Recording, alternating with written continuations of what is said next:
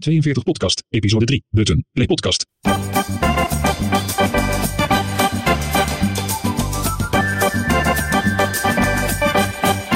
Nou, welkom bij de derde podcast over uh, toegankelijkheid. Ik, uh, De ik- derde podcast van Q240 en met de eerste over toegankelijkheid. de eerste over toegankelijkheid, dat is correct. Ja, precies. Uh, met uh, mij, Matthijs, in plaats van Wietske, want die is zijn stem kwijtgeraakt. We hebben gisteren iets te hard gefeest op de dia's. Op de Dia Awards, Ja. precies. Maar wel, we hebben wel Dia binnengehaald, dat is wel lekker. Meerdere toch? Meerdere geloof ik, ja. Ja. Van Gogh, Tim als uh, tech-expert, of hoe noemen ze dat? ja. Dus dat, uh, dat was een lekker feestje. Ze hebben weer wat borstklopperij verdiend. Precies. Uh, nou, je hoort al, Bram is, er, uh, Bram is erbij. En we hebben twee uh, toegankelijkheidsexperts, kunnen we wel zeggen, denk ik. Uh, om, om je lekker over door te kletsen. we hebben Johan en Vasilis. Hey. Welkom. Dankjewel. Johan is onze in-house Q42-expert. die veel bezig is. Misschien kun je heel even zelf vertellen, wat, wat doe jij hier bij Q? Uh, ik, ik, maak me inderdaad heel erg druk over toegankelijkheid bij Q. Dat betekent dat ik uh, in projecten inderdaad uh, in de gaten hou dat het werkt voor iedereen. Zoals ze dat, ja. Wat wil je nog meer van me weten, Matthijs? goede intro volgens mij. En Vasilis, jij, jij bent ook een beetje vriend aan huis. Heb je al vaker bij Q42 ja. rond zien lopen? Ik kom hier heel graag. Uh, ik geef zelf les aan de Hogeschool van Amsterdam. Uh, webdesign en webdevelopment. En ik richt me steeds meer op toegankelijkheid. En dan niet zozeer vanuit de uh, manier van dat het een checklist is voor developers, maar meer dat het een designhouding is. Dus ik probeer vanuit design probeer ik toegankelijkheid uh, te onderwijzen. Volgens mij heb je ook een heel, heel master thesis over design en toegankelijkheid gedaan. Ja, klopt. Ja, heb ik exclusive design heb ik dat genoemd. Dus ik heb inclusive design omgedraaid eigenlijk. Wat ik heb gedaan is, ik heb ge gewerkt met het idee dat um, uh, je kan pas inclusive gaan ontwerpen als je net zo goed bent in het ontwerpen voor bijvoorbeeld mij. En we zijn eerlijk gezegd supergoed in het ontwerpen van mij, want we hebben al 25 jaar maken we websites voor mij. Ja, uh, misschien en, is dat wel goed om eerst even, uh, eerst even te zeggen, want je noemt meteen al inclusive design. Ja. En exclusive. En exclusive. Ja. Uh, we duiken er meteen al lekker in. Maar wat, wat, is, wat is inclusive design? Wat is toegankelijkheid eigenlijk? Wat betekent dat in de, in de software? En wat is het verschil tussen inclusive design en accessibility bijvoorbeeld? Nou, er zijn verschillende definities van. Uh, als ik bijvoorbeeld sommige mensen die vinden accessibility dat het met dat het mogelijk moet zijn om de taak uit te voeren. En ik denk dat dat zou een definitie van accessibility kunnen zijn. Dus maar bijvoorbeeld dat, het opzoeken van een treinadvies, noem maar wat. Bijvoorbeeld, ja. En dat het moet kunnen, dat het moet lukken. Met enige moeite mag dat ook. Ja. Uh, en ik denk dat als je zegt inclusive design, dan heb je het over. Dan begint UX daarin een rol te spelen. User experience. Dan begint het belangrijk te worden dat het op, op een eenvoudige manier gebeurt. Dat het lekker werkt. Dat het lekker werkt. En ik denk dat lekker werken, dat is dus iets wat we eigenlijk nog nooit hebben gedaan als het gaat over ont digitaal ontwerpen voor mensen met een beperking.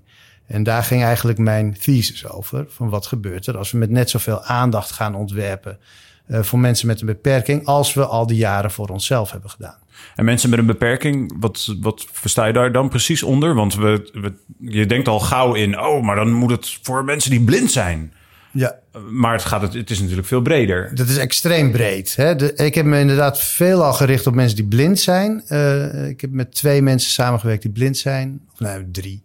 Uh, mensen die doof zijn heb ik meegewerkt. Uh, met iemand die motorisch gestoord is heb ik gewerkt. Maar je hebt natuurlijk ook allemaal cognitieve beperkingen. En dat is weer een heel vak apart. Ook super interessant. en er zitten allemaal gradaties in al die verschillende... Het is gewoon een gigantische groep. Heel divers. niet echt makkelijk uit te leggen wie dat zijn. Heb je een voorbeeld van bijvoorbeeld een aanpassing die je zou moeten doen voor een doof iemand? Want ik kan daar zo 1, 2, 3 niet iets voor verzinnen. Want nou, ik denk nou ja, toch, een podcast. Precies. Ik denk dat wij heel Wat is- uh, exclusief bezig zijn hier. Want als je niet Wat- kan horen, dan heb je er helemaal Ja. niks aan. Ik heb zelf een podcast en de eerste eh, aflevering die zette ik live, helemaal trots. En de eerste reactie op Twitter was, nou super leuk voor je, maar ik ben doof. En Ja. ja, en, ja Wat je zou kunnen doen natuurlijk, wat voor de hand ligt, is eh, transcripties. Dus Ja. het laten transcriberen, wat natuurlijk een goed idee is. Ook voor zoekmachines, ook ge- gewoon voor mij. Want dan hoef ik niet het hele ding terug te luisteren. Dan kan ik gewoon zoeken, wat ik ook alweer gezegd heb. Ehm, eh, maar ik heb bijvoorbeeld met studenten hebben we hier eh, ook experimenten mee gedaan. Van wat is een podcast voor iemand die doof is? En dat hebben we met, een, eh, met Marie van Driessen. Zij is een dove ontwerper bij de VPRO, werkt ze nu. En daar hebben we eh, samen met haar zitten onderzoeken. Nou, hoe ziet dat er dan uit? Wat is dat dan? Want zij vond toch dat lineaire wel belangrijk. Ik dacht van, nou, dat halen we lekker weg. Hè, want dat is eigenlijk toch alleen maar vervelend. Dat eh, je moet luisteren, dat je dat ritme moet volhouden. Eh, maar zij vond dat juist wel leuk. Maar hoe ga je emotie bijvoorbeeld weergeven? Ehm, Wat, wat kwam daaruit? Wat is dan, wat, nou ja, hoe moet een podcast eruit zien als je niet kan horen? Heel veel verschillende eh, prototypes. Waar het een beetje heen ging, was een beetje een chat. Dus dat je een chat interface kreeg. En dat je daarin zag van wie er aan het praten was. Dat er In een chatconversatie zie je eigenlijk de podcast dan voorbij Precies. komen. En dat er dan met eh, eh, dingen als emojis of met kleur of met vormen werd dan de emotie en de felheid van het gesprek werd. eh, Ja, dat gaat nog wel wat verder dan alleen de tekst eh, ja, laten ja, zien. ja, absoluut. Want dat is dus iets wat echt wel verloren gaat in een transcriptie. En dat is ook iets wat ik me ook helemaal niet realiseerde. Maar dat is dat eh, eh, voor heel veel dove mensen, zeker die doof geboren zijn, is gesproken en geschreven Nederlands een tweede taal. Hun eerste taal is eh, eh, gebarentaal. En dat is totaal anders, grammaticaal helemaal verschillend. Dus die hebben ook heel veel moeite met geschreven taal. En dan moet je je voorstellen dat gesproken taal uitgeschreven wordt. Nou, dat is Ja. deze zin maakte ik bijvoorbeeld niet af. Probeer ja, dat ja. maar te volgen. ja, precies. Hey, joh, zie jij, eh, is dat ook waar jij aan werkt in projecten? Ook werk je dan voor dezelfde groep mensen? Je hebt het ook over het toegankelijk maken van de websites en apps die wij bij Q42 maken. Is dat ook, is dat ook zorgen dat dove en blinde mensen daarbij kunnen? Of is het Ja, ja, breder of anders? Ik, dat is wel, denk ik, de minimale groep waar je het voor wil fixen. Maar ik denk dat een groep, als je het over beperkingen hebt, dan kan je dat veel breder trekken. Ik bedoel, als je het hebt over, eh, je, als je het hebt over niet kunnen zien, dan kun je dat, dan kun je zeggen iemand is blind. Maar er zijn natuurlijk heel veel gradaties in, in niet kunnen zien. Niet kunnen zien betekent ook gewoon jij of ik, als je niet aan je scherm kan kijken. Ehm, als je het zo aanvliegt, dan eh, kan je denk ik ook op een andere manier nadenken over hoe je een app gaat bouwen. Je moet gewoon rekening mee houden dat iemand in de situatie kan komen dat hij eh, het scherm niet kan zien.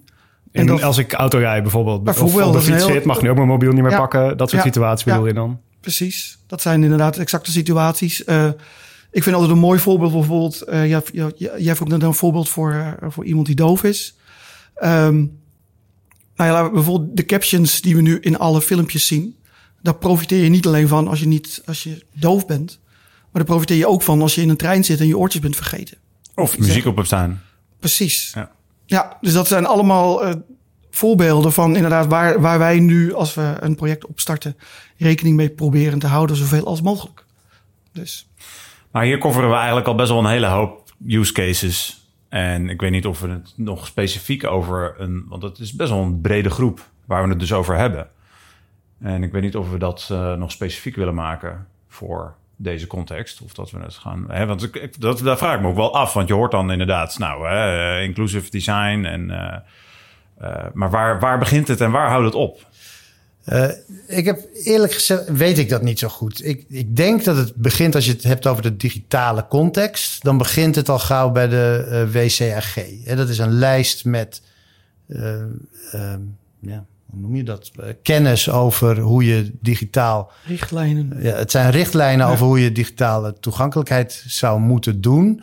Eh, dat- daar zit een enorme berg kennis zit er in die lijst. Alleen eh, wordt die op dit moment vooral gebruikt als een after-the-fact checklist. Wat, wat voor dingen staan daarop? Wat moet ik me daarbij voorstellen? Ja, bij bijvoorbeeld die- hoog genoeg contrast. eh, als je het hebt over kleur. eh, zorgen dat eh, plaatjes een alt-tekst hebben. ehm, verschillende manieren van interactie eh, toestaan. Dus niet alleen met een muis, maar ook met toetsenbord. eh, dat soort dingen. Ja, dus wel praktische a- richtlijnen, aanwijzingen over Ja, het gaat wel, het gaat wel redelijk ver hoor. Er zit echt wel heel veel kennis zit erin. Het is echt wel een hele goede bron.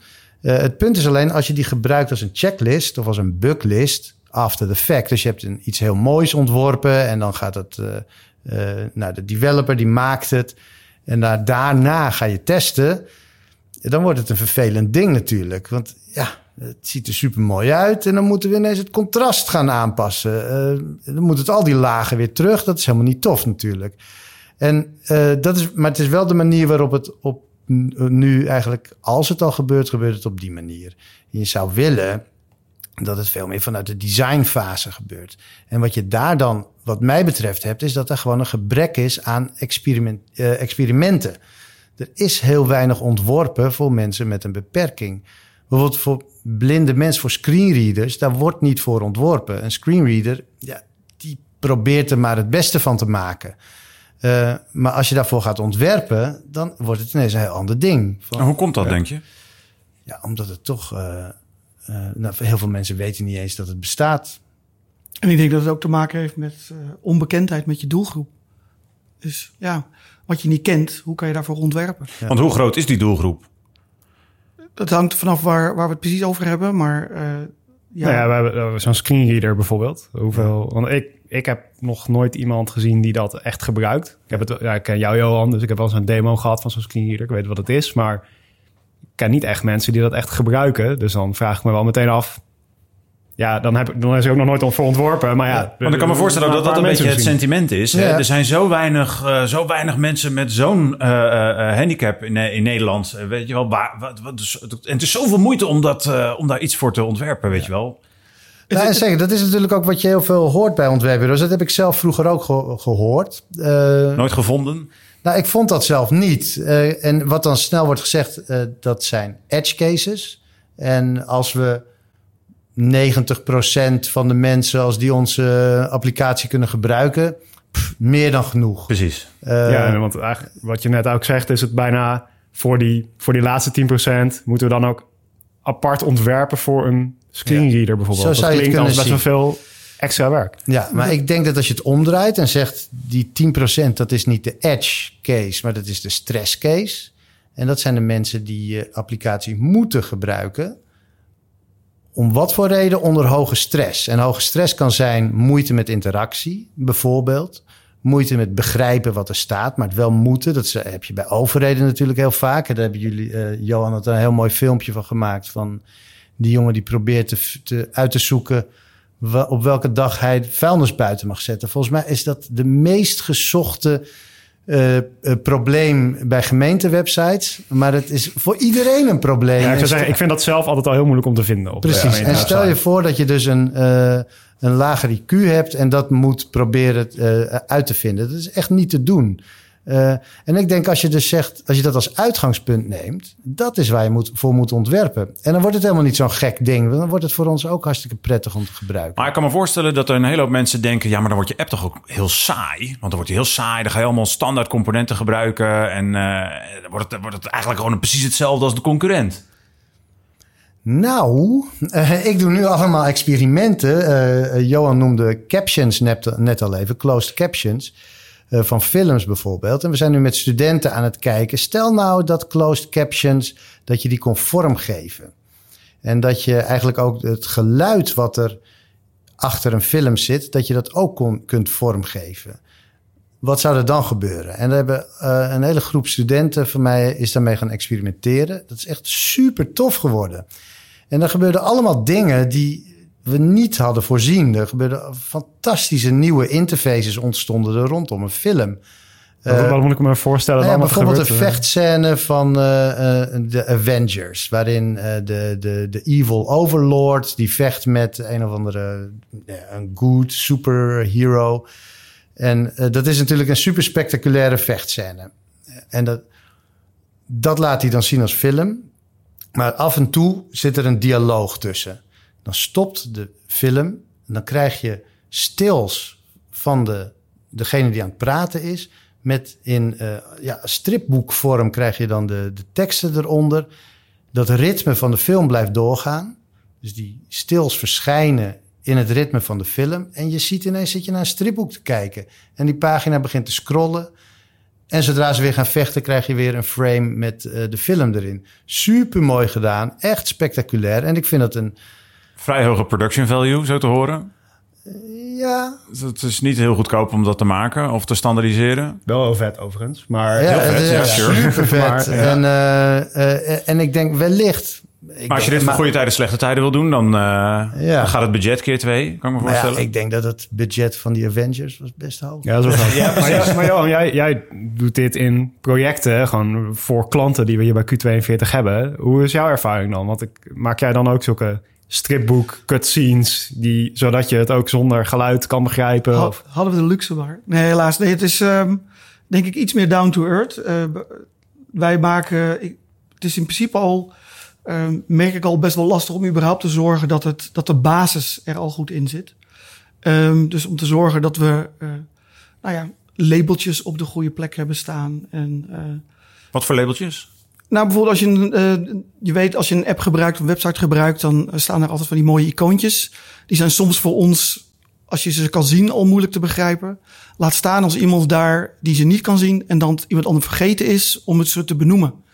Nou, dat zijn voorbeelden van labeltjes en eh, dat, dat gebeurt regelmatig. Ehm, ja, dat klinkt een stuk minder sexy, denk ik, dan wat Vasilis net vertelt. Maar het moet wel gebeuren. Want dat is, dat is al, dat is de essentie gewoon van toegankelijkheid al. Gewoon zorgen dat iedereen alles altijd kan lezen, snappen, begrijpen, eh, horen of wat dan ook. En toch is dit al, nou ja, 25 jaar een pijnpunt of een probleem. Of we, hè, er zijn, er staan voorvechters zoals jullie op om hier iets aan te doen. Want blijkbaar is het niet oké. Maar we hebben het wel laten gebeuren met z'n allen, dat het dus blijkbaar niet oké is. Ik weet niet of het al 25 jaar is. Ik denk dat het korter is. Ik denk vanaf het moment dat we eh, websites eh, begonnen vorm te geven. Vanaf dat moment ging het mis. Eh, dus toen gingen we. het web was nooit echt bedoeld om vorm te geven in het begin. Het was gewoon documenten en door nerds bedacht. Dus het mocht best wel lelijk zijn. Maar op een gegeven moment gingen meer mensen het interessant vinden. Dus toen moest het wel mooi zijn. Dat is, dat is natuurlijk ook logisch. Maar toen we hadden daar geen tools voor. Nee. Hè, CSS bestond niet. En toen kregen we ineens tabellen. Nou ja, probeer maar eens met een, eh, als, als blinde een eh, website te navigeren als alles in tabellen staat. Dat is niet te doen. Ehm, Omdat ze daar niet voor bedoeld waren. nee, precies. Ja. Ja. dat klopt. Maar ik denk dat het zo is. In essentie is het web volledig toegankelijk. En we maken het eigenlijk altijd een beetje meer kapot. Ja. Door, het, eh, door alle, nou ja, alle leuke tierenlantijntjes die we eraan toevoegen. Die maken het eigenlijk alleen maar stuk. En ik denk dat het ook daarin een beetje onze verantwoordelijkheid is om toch te zorgen dat het eh, bruikbaar blijft. dus eigenlijk zeg je in de, in de basis, de basis apps, basis websites zijn al toegankelijk. Maar zodra we er tierlantijntjes, noem je het net, aan toevoegen, dan maken we het kapot. Ja. Maar dan is het dus eigenlijk, eigenlijk is het dan altijd de fout van de, van de ontwikkelaar die dat dan kapot zit te maken. Ik vind het. eh, nee, ik denk je, je kan die verantwoordelijkheid niet alleen bij de ontwikkelaar neerleggen. Dan neem je die verantwoordelijkheid, die heb je met z'n allen als team, eh, als bedenker. En ik denk ook wel dat we, dat we die als beroepsgroep gewoon met z'n allen hebben. Om ervoor te zorgen dat, eh, dat we het niet zo kapot maken dat niemand er meer bij kan. Ehm, dus ja, dat, dat ligt niet alleen aan de developer. De developer heeft er zeker een verantwoordelijkheid in. Maar wat zou je dan zeggen als bijvoorbeeld een Lowlands bij jou aanklopt? Hè, Lowlands heeft niet altijd de meest toegankelijke eh, uitingen op het web of in zijn app. Eh, en die wil gewoon dat het, die wil gewoon bepaalde unieke elementen in zijn interface die eigenlijk haak staan op wat eh, de norm is qua componenten. En dus waarschijnlijk niet zo heel toegankelijk zijn voor mensen met een beperking. Nee, maar ik vind dat je moet de vraag vooral stellen: wil Lowlands dat? Wil de ontwerper dat? En is er überhaupt, heeft iemand in, dat in dat project er ooit over nagedacht dat het ook op een andere manier kan? Wat, ik, eh, wat, wat jij net zei, of, waar ik even nog op wilde teruggrijpen, is inderdaad van ehm, dat het is ook hoe je je uitgangspunt definieert. Hè? Je kan inderdaad zeggen van eh, eh, als het toegankelijk is, dan wordt het per definitie lelijk. En waarom is dat zo? Omdat je waarschijnlijk een bepaald beeld hebt van wat toegankelijkheid is. Maar je kan natuurlijk ook bij Lowlands neerleggen. Wat nou als ik als eh, blinde, dove eh, bezoeker naar het festival wil? Hoe ervaar ik dan eh, de muziek? Hoe ervaar ik Lowlands? Dat kun je ook als een ontwerp uitgangspunt definiëren. Dat is volgens mij wat jij met je experimenten doet. En wat, wat wij denk ik ook op grote schaal veel meer zouden kunnen doen in projecten.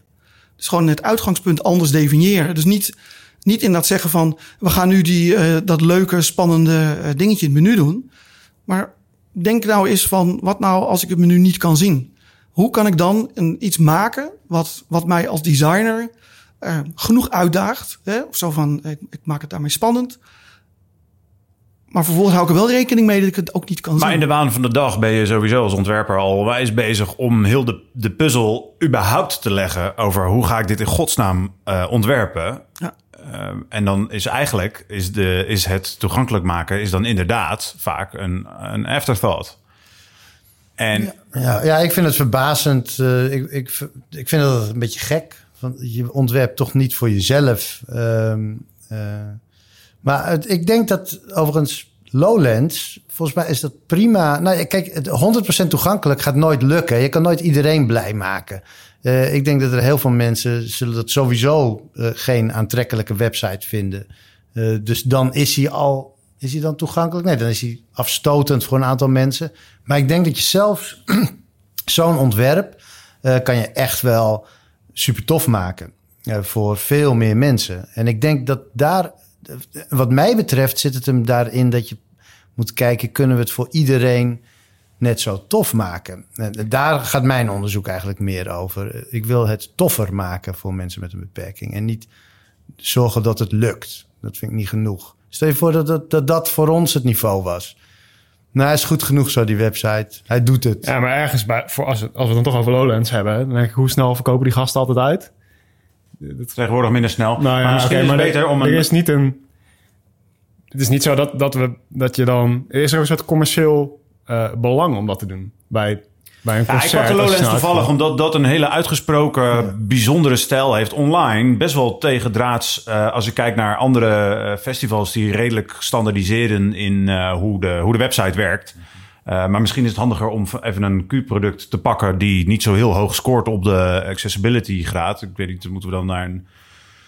I don't know, ik kan me voorstellen dat 9292 nogal wat dingen heeft die nog niet helemaal snor zitten bijvoorbeeld.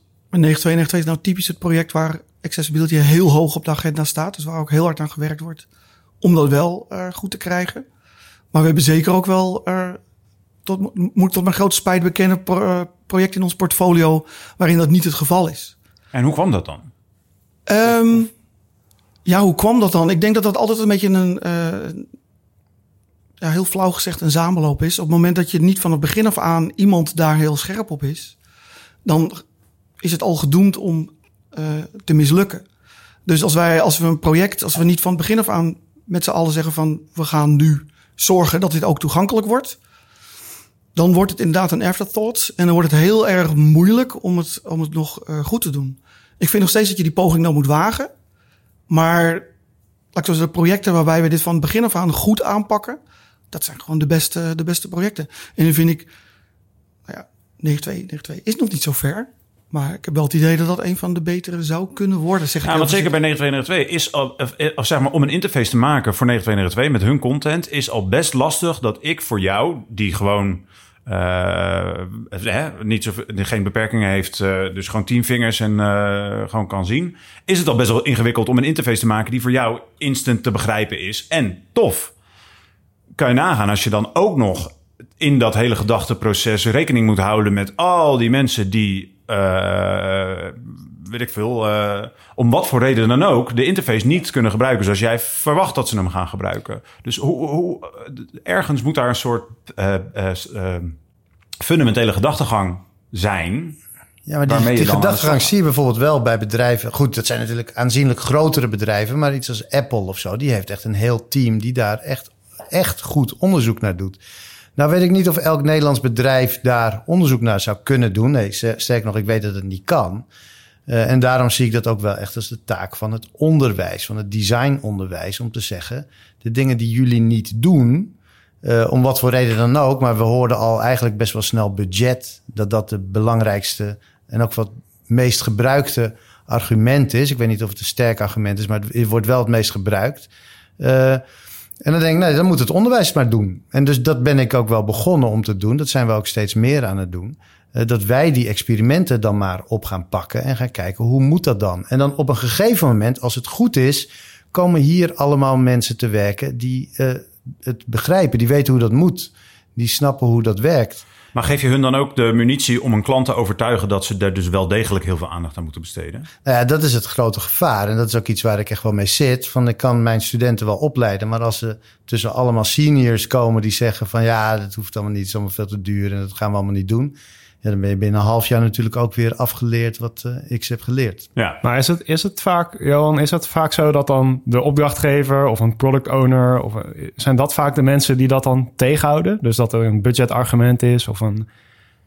Ehm, vaak doe het, ja, dat kan een van de factoren zijn, inderdaad. Het kan zijn dat een, ik denk niet zozeer dat het per se de product owner is, maar vaker inderdaad dat er vanuit de organisatie uh, druk wordt uitgeoefend om iets op tijd af te hebben. En dan is het vaak gewoon het eerste wat afvalt. Is dan toch iets, uh, ja, is dat toch vaak een stukje toegankelijkheid. Ja, het is dan dus niet per se, of niet eens per se een bewuste keuze om te zeggen, nee, wij, hoef, wij hoeven nou, geen daar, toegankelijkheid. Daar sla je de spijker op zijn kop. Het is geen bewuste keuze. Wat er vaak gebeurt is gewoon dat het gewoon verdwijnt. En omdat niemand ergens hardop heeft uitgesproken, we gaan dit niet doen. En ik denk, wat je eigenlijk zou willen, is dat je mensen die keuze keihard laat maken. Want dat is beter verdedigbaar, vind ik, dan het gewoon maar laten gebeuren. Uh, want inderdaad, ja, het gebeurt gewoon, inderdaad. Ik, heb het, uh, ik maak het in projecten mee. Dat gewoon uh, het langzaam verdwijnt. En dan is het eigenlijk, vind ik het dan bijvoorbeeld mijn taak, of om dan te zeggen van, besef je wel wat je nu doet? We schakelen nu een enorme beroepsgroep, of een enorme doelgroep. Die, die schakelen gewoon uit. Zo van, die kunnen hier geen gebruik meer van maken. Hebben we, hebben we een heel concreet voorbeeld waar we het over kunnen hebben? Als je het uh, hebt over een keuze waar je voor komt te staan in bijna alle uh, app-projecten bijvoorbeeld, als ontwerper. Oké, okay, moet nu een keuze maken. Ja, ik heb, ik heb een recent voorbeeld. Ja. Um, ik weet niet hoe, ver, hoe, hoe, diep ik op de klant in mag gaan. We hebben uh, recent een, een app gemaakt waarbij we echt wel initieel uh, het idee hadden van we gaan dit echt als met z'n allen, inclusief product owner, gaan we dit gewoon uh, op alle linies goed doen. Ja. Nou, we zijn heel enthousiast begonnen. En je merkte gewoon naar de eindstreep toe, um, ja, werd de druk hoog. En uh, werd ook in het team begon de focus natuurlijk te verleggen, want er moesten features worden afgetikt. Mm -hmm. En dan, ja, dan moet je al heel veel fixen. Je vergeet dan ook wel eens een unit testje te schrijven. En je vergeet dus ook inderdaad ergens een label te plaatsen. Mm -hmm. En zo langzaam uh, komt de klatter dan een beetje in. Ja. Um, wat in, en op een gegeven moment heeft toen wel ook, is toen ook wel expliciet gezegd van uh, laat accessibility maar even zitten. Dat, maar dat was in ieder geval een harde keus. En toen heb ik uh, uh, stiekem ben ik het gaan fixen. Dat was ook wel interessant. Dat heb ik toen stelt, LA, stelt accessibility genoemd. ik ben er vervolgens over gaan praten. En toen werd ik inderdaad door uh, andere developers benaderd. Die zeiden van, wij doen dit ook. Ah, nice. dus er wordt gewoon best wel uh, stiekem heel veel Dus gefixt. Een ondergrondse beweging van ontwikkelaars is er die stiekem accessibility. Ja, uh, ik heb het nog niet helemaal in kaart. Maar er is schijnbaar een soort underground resistance gaan. die stiekem accessibility fixt. En ik vind, dat, ik vind dat tof om te horen. Omdat ik denk van ja, weet je, je, je weet, we weten hoe dat werkt in een project. Het kan soms beslissingen worden genomen en uh, dan kan je, dan Ja, kun je want- keihard tegenin gaan. Met het risico dat er, uh, dat, soms, soms moet je dat doen. En soms moet je ook je battles choose, zoals dat heet. Ja, en ik hoor je eigenlijk zeggen, zodra de kwaliteit onder druk komt te staan, dan heeft accessibility daar ook last van. Dus misschien Ja. ga je iets minder quality assurance doen, iets minder goed testen of het product goed werkt, maar ook dus iets minder goed kijken of het nog toegankelijk is, of die labeltjes Exact. goed staan, et cetera. Exact, ja. Ja. Het zijn de minder zichtbare dingen natuurlijk die als eerste afvallen. En ik denk dat accessibility is er daar één van, maar er zijn er natuurlijk meer van. Ja.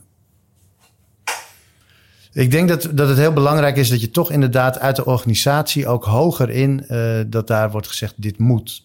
Uh, er zijn ook wel voorbeelden van op dit moment. Bijvoorbeeld Schiphol, die heeft. Uh, daar kwam een product owner en die zei: Ik vind accessibility belangrijk, dat moet. En die hebben toen, uh, hij heeft toen ervoor gezorgd dat, nou ja, kijk, zo'n product owner gaat op een gegeven moment ook weer weg. En ja, dan houdt het ook meteen weer op. Maar hij heeft toen gezegd: Ik ga in elk team, elk Scrum team, daar moet een accessibility specialist in zitten. Dus elke keer dat die weggaat, dat staat gewoon in hoe, wordt, hoe zitten onze teams in elkaar. Nou, Ja. zo zit dat in elkaar. Die moet daarin. Uh, er zit een intensieve samenwerking met uh, uh, Stichting Accessibility, waarin elke maand, geloof ik, wordt er getest met blinde mensen. Um, Dus daar, daar, daar staat dat, dat is, weet je, dat wordt van bovenaf en niet alleen van onderaf. Het wordt niet alleen stiekem gedaan, het wordt ook eh, bij beleid wordt dit gedaan. Ik denk dat allebei heel belangrijk is. Anders gaat het niet lukken. En wat zou je adviseren als wij een klant krijgen die misschien niet in de publieke ruimte, zeg maar, iedereen probeert te bedienen, maar eh, een bepaalde niche doelgroep toch al een niche doelgroep heeft en denkt, oh, maar mijn doelgroep is toch al zo niche, dan dat accessibility verhaal, dat geloof ik wel even. Laat Ja. ik eerst maar eens voor deze niche doelgroep mijn trucje doen. Ja, het hangt er een beetje van af. Hè? Ehm, er zijn hele mooie voorbeelden van ehm, eh, bijvoorbeeld ja, een, eh, een parkeervergunning of een parkeerkaarten. Ja, wie moet dat nou weer komen? Blinden zal een nooit hoeven. geven. Wij maken een app voor eh, een streaming app voor klassieke muziekliefhebbers. Ja. Dat is een streaming app. In principe kan iedereen dat ding downloaden uit de App Store. Maar hij is wel heel specifiek voor liefhebbers van klassieke muziek. Dat is al best wel een uitdaging om daarvoor te ontwerpen. Want je krijgt dan allerlei eh, dingen die anders zijn dan bijvoorbeeld bij een Spotify. Omdat je gewoon met een hele andere eh, type muziek aan de slag gaat. Ja. En eh, dus daar gaan eigenlijk alle brain cycles in het hele traject gaan naar hoe gaan we dit in godsnaam voor elkaar krijgen om die app in de App Store te krijgen en hoe krijgen we daar traffic op. En dus ik kan me zomaar voorstellen dat we daar eh, niet zo 1, 2, 3 eh, be- beginnen met laten we dit ding eens accessible maken voor iedereen. Terwijl jij eigenlijk vindt dat zou je absoluut wel moeten doen. ja, ik zou dat gewoon wel doen. Ja, waarom niet? Ik Maar- zie niet helemaal in waarom je dat niet zou doen. Je, dat, dat is gewoon, je gaat toch nadenken over hoe werkt dit? Op wat voor manieren moet je dit kunnen bedienen? Eh, wat voor type mensen, wat voor soorten luisteraars Oké, zijn wat wij er? tot nu toe hebben gedaan, is we hebben gewoon gedaan, we hebben zoveel mogelijk gebruik gemaakt van de componenten die native aangeboden worden door iOS en Android. Nee. Zoveel mogelijk. Ja. En eigenlijk alleen maar als het echt niet anders kon, dan zijn we iets customs gaan maken. Be- he- hebben we dan al genoeg gedaan? Nou ja, volgens mij doe je dan in elk geval al best veel. Maar dat weet ik niet helemaal zeker. Maar ik heb het idee dat als je die native componenten gebruikt, zeker van Apple, dan is, ben- kom je al een heel eind. Eh, en als je dat ook nog goed labelt en zorgt dat de, dat de icoontjes gewoon een, een, een duidelijke naam hebben. Mhm. eh, volgens mij ben je dan al best wel ver. Ehm, dat weet ik niet heel zeker. Ja, volgens mij is dat gewoon zo. Want Apple heeft dat gewoon heel goed voor elkaar. En dat zit, is een goede integratie met hun eigen screenreader. Ehm, Ik kan dat bevestigen. Toevallig weet ik dat omdat we recentelijk eh, eh, voor dezelfde 9.2 test hebben gedaan. En daar, de, daar ligt de focus inderdaad op die, eh, op die toegankelijkheid. En dat is voor eh, Apple iOS, dus in dit geval, eh, ja, is dat, is dat goed makkelijk te fixen, zolang je inderdaad maar een beetje in hun ecosysteem blijft. Eh, bij Android is dat alweer een stukje lastiger. Ja. Dus, eh, maar Apple heeft dat, heeft daar, echt- denkt daar echt heel goed over na. En Google doet dat ook. Maar ja, loopt Ja, er dus nog werken op op basis achter. van die standaardcomponenten wat eh, Bram aangeeft. Dat is wel een goede eerste stap Ja, om te zorgen dat het toegankelijk is. Dat het Maar wij maken heel veel custom apps voor klanten die hele custom use cases hebben. Eh, waarbij je er bijna niet onderuit komt om custom on- eh, oplossingen te ontwerpen. En daarna te gaan implementeren. ik heb wel het idee dat vanuit onszelf, maar dat, heb ik, dat, idee- dat is het idee wat ik krijg, dat we wel vaak pushen op eh, gebruiken van standaard componenten. Ja, maar En precies. dat we alleen echt in uitzonderingsgevallen beslissen van, oh, dit. eh, En, maar dan beseffen we ook dat het meer werk is. Want het, is, het heeft automatisch sowieso ieder custom component. Dat is toch ook een exponentiële groei van wat je wil gaan bouwen. Dus ook dat moet je wel aan een klant voorleggen. Dan van, hé, hey, we kunnen het zo maken. Maar als we Maar- hier maar even een. We kunnen het ook omdraaien. Hè? Dus we hebben het nu over standaard componenten. En we hebben het over ontwerpen voor eh, ja, dat het complex wordt als je met meer mensen rekening moet houden. Eh, ik vind het juist interessant om te kijken vanuit: oké, voor wie zou dit nou het moeilijkst zijn om te gebruiken? Ik kom dan al gauw bij zo'n soort applicatie. Nou ja, iemand die blind is, die de interface niet kan zien, dat is absoluut het moeilijkst voor. Want als je nou met een blind iemand dit gaat ontwerpen. Eh, en het, wat in elk geval in mijn ervaring, ik kom op hele prettige interfaces tot nu toe. Want alle rotzooi gaat sowieso weg. Alle ruis is weg. Dus super gefocust. Het is een beetje wat we toen ook hadden toen we Mobile first gingen doen. mobile first gingen doen. Wow, wat een rust ineens. Zeg, hey, websites waren veel eerder af, want er zat veel minder rotzooi in. Eh, en, en dit is een extreme versie ook nog. Het geeft je enorme focus.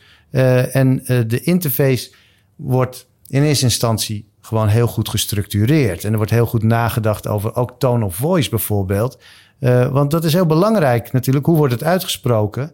Uh, en tone of voice is wel iets wat we heel vaak vergeten. Dus ik denk als je het in het designproces meeneemt...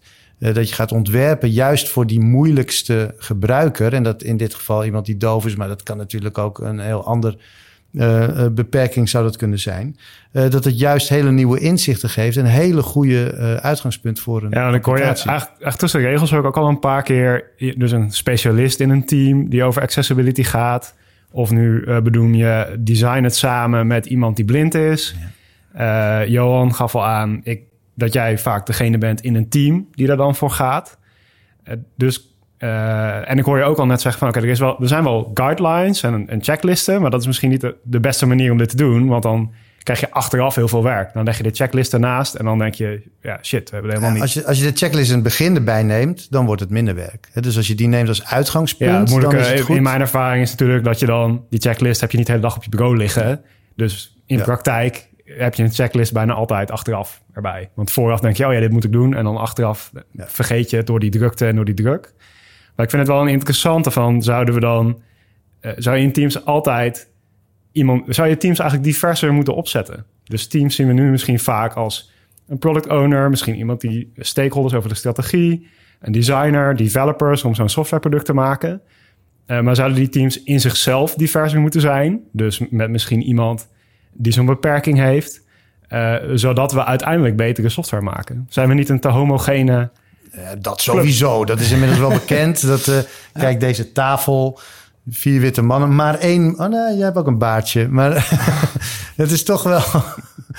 toch? Ja, dat is gewoon zo. En uh, zeker als het gaat over beperkingen. Er zijn heel weinig mensen met een beperking in, de, in het designvak. Er zijn best wel wat engineers bijvoorbeeld die blind zijn. Maar bij ons op school, CMD, ik verbaas me erover. Ik verbaas me er ook niet over. Maar wij zijn niet toegankelijk. Uh, dus iemand die blind is, zou onze opleiding nu niet kunnen doen. Ik vind dat afschuwelijk. Ik vind dat dat helemaal niet zou mogen. En het wordt juist interessant als blinde mensen ontwerpers worden. Tuurlijk. Uh, of als uh, mensen met een fysieke beperking ontwerpers zijn. En zitten we er dicht tegenaan dat het wel kan? Dat er wel een blind iemand bij jou kan komen studeren? Of, of moet, er dan, moet er dan zoveel gebeuren aan die opleiding?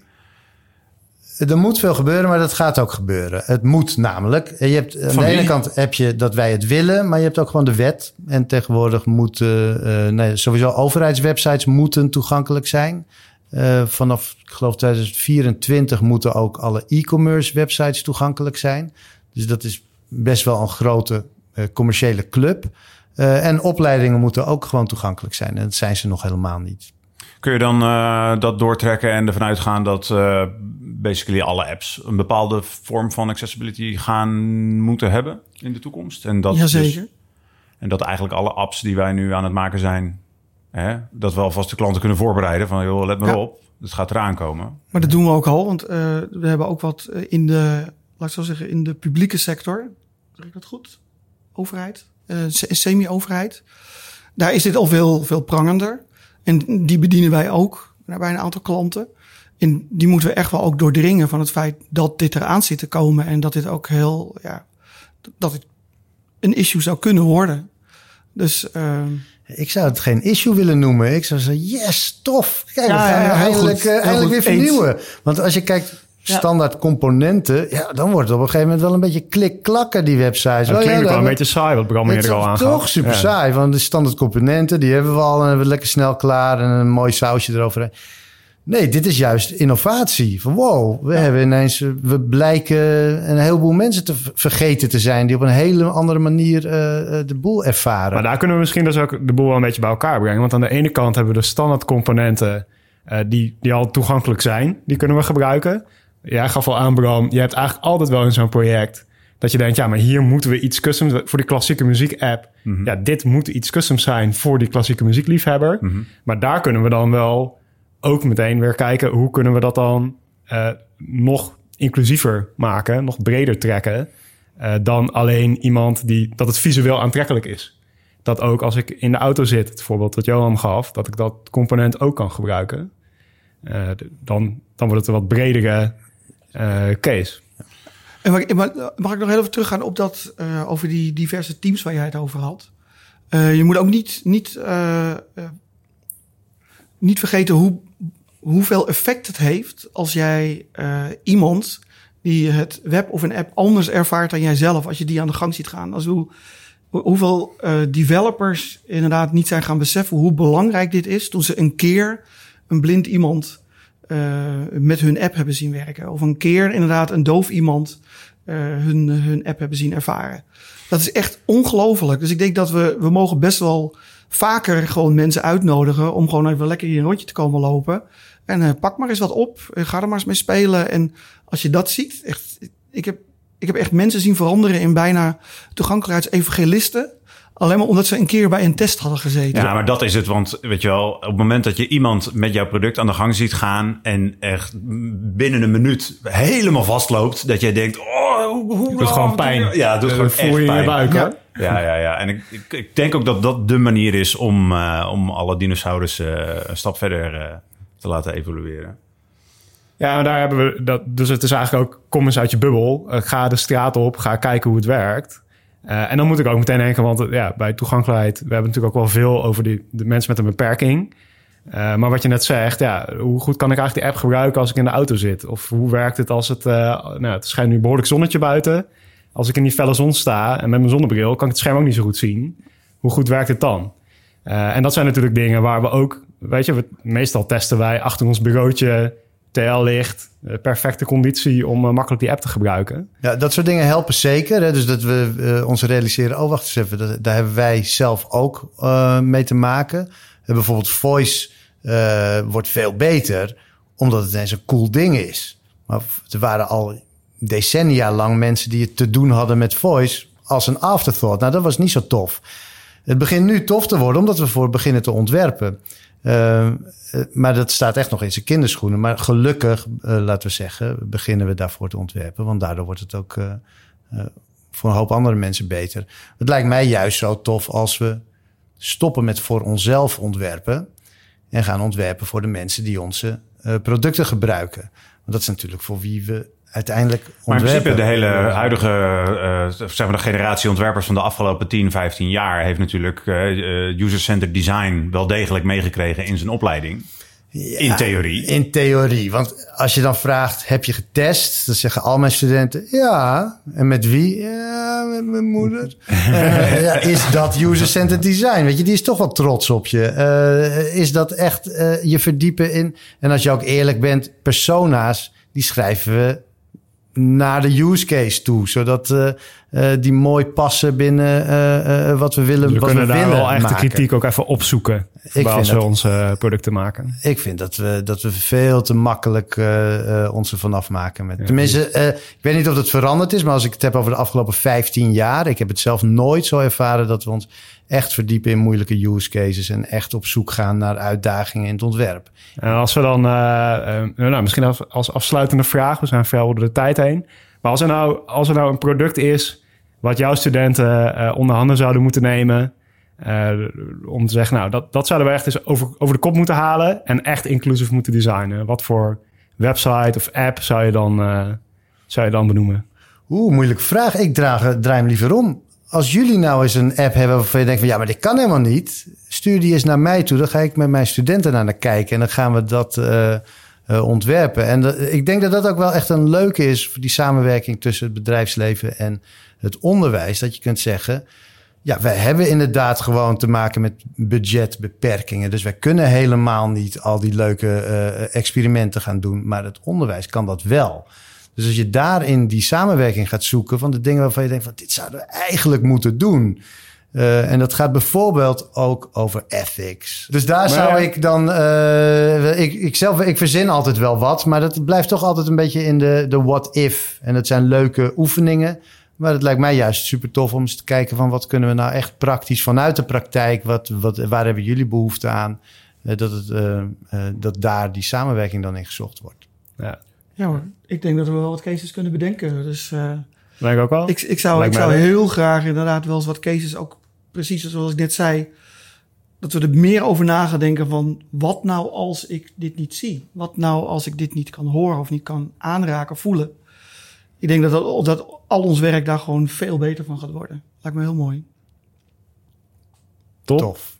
Is, is dat ook wat, wij, wat jou betreft moeten fixen bij Q42? Is dat de hoofd, hoofdfix of is er nog iets anders wat wij hier zouden kunnen doen om Ik volgend denk, jaar de beste accessibility apps van de wereld neer te zetten? ik denk dat we voorzichtig al een beetje... We, we nodigen af en toe mensen uit om hier gewoon onze eigen eh, spullen te laten roosten. Ik denk dat we dat veel meer kunnen laten doen. Dat we meer mensen die het anders ervaren dan jij en ik uitnodigen... om hier gewoon rond te komen lopen en dingen te komen uitproberen. En ons bij te praten en ook te vertellen van hoe ze het ervaren. Dat maakt ons wijzer. En daarnaast denk ik ook dat onze manier van denken veel meer daarom moet zijn van... eh, nou ja, wat jij doet, eh, wat nou als ik het niet zou kunnen zien? Wat blijft er dan over van dit product? En ik denk dat is ook een vraag die ik eh, vooral bij designers ook zou willen neerleggen. Zo van denk daar eens over na. Nadenken en kaart roosten. Ik Precies. zou nog zijn, willen toevoegen, want het is hartstikke mooi dat je zegt, laat die mensen hier rondlopen, laat ze je werk roosten. Ik zou ze ook echt in het designproces betrekken. Ga met ze ontwerpen. Eh, ga niet alleen voor ze, maar echt met ze ontwerpen. Neem ze erbij en, want het totaal andere kijk op dingen en juist daar zit heel veel innovatie. Dat is echt super tof. En je, je basis experience wordt er eigenlijk ook al helderder van. Ja. Dus je hebt er sowieso buiten het argument... we hebben deze persoon erbij voor de accessibility... zou het überhaupt al kunnen zijn... deze eh, persoon kan ons enorm helpen... om überhaupt sneller tot de kern van, het, van de experience te komen. Ja, dat zou kunnen. Ik weet niet helemaal zeker of het 100% is. Hè. Dus in die experimenten die ik doe met de studenten, daar komen heel veel dingen uit die ik niet kan gebruiken, maar die super tof zijn voor één persoon. Ja. Eh, maar dan hebben we in elk geval die inzichten. Eh, en ik denk als je die mensen. nou ja, ik zou ze meer in een design manier erbij betrekken in plaats van alleen maar kijken. Ja. Super. Nou, dank jullie wel voor dit gesprek over, eh, over toegankelijkheid, inclusiviteit. Ik heb er ook veel van geleerd in ieder geval. En eh, ik zou zeggen, hopelijk op naar de volgende podcast. Ik geloof dat de volgende podcast gaat over eh, hoe, hoe maak ik een app. En, Ik wil een app Ik wil een app en en, nu. nu. Ik wil een app en nu. Dat is het geloof ik. Nou, ik hoop dat jullie dan weer luisteren. Dank jullie wel. Dankjewel. Dankjewel. Dankjewel.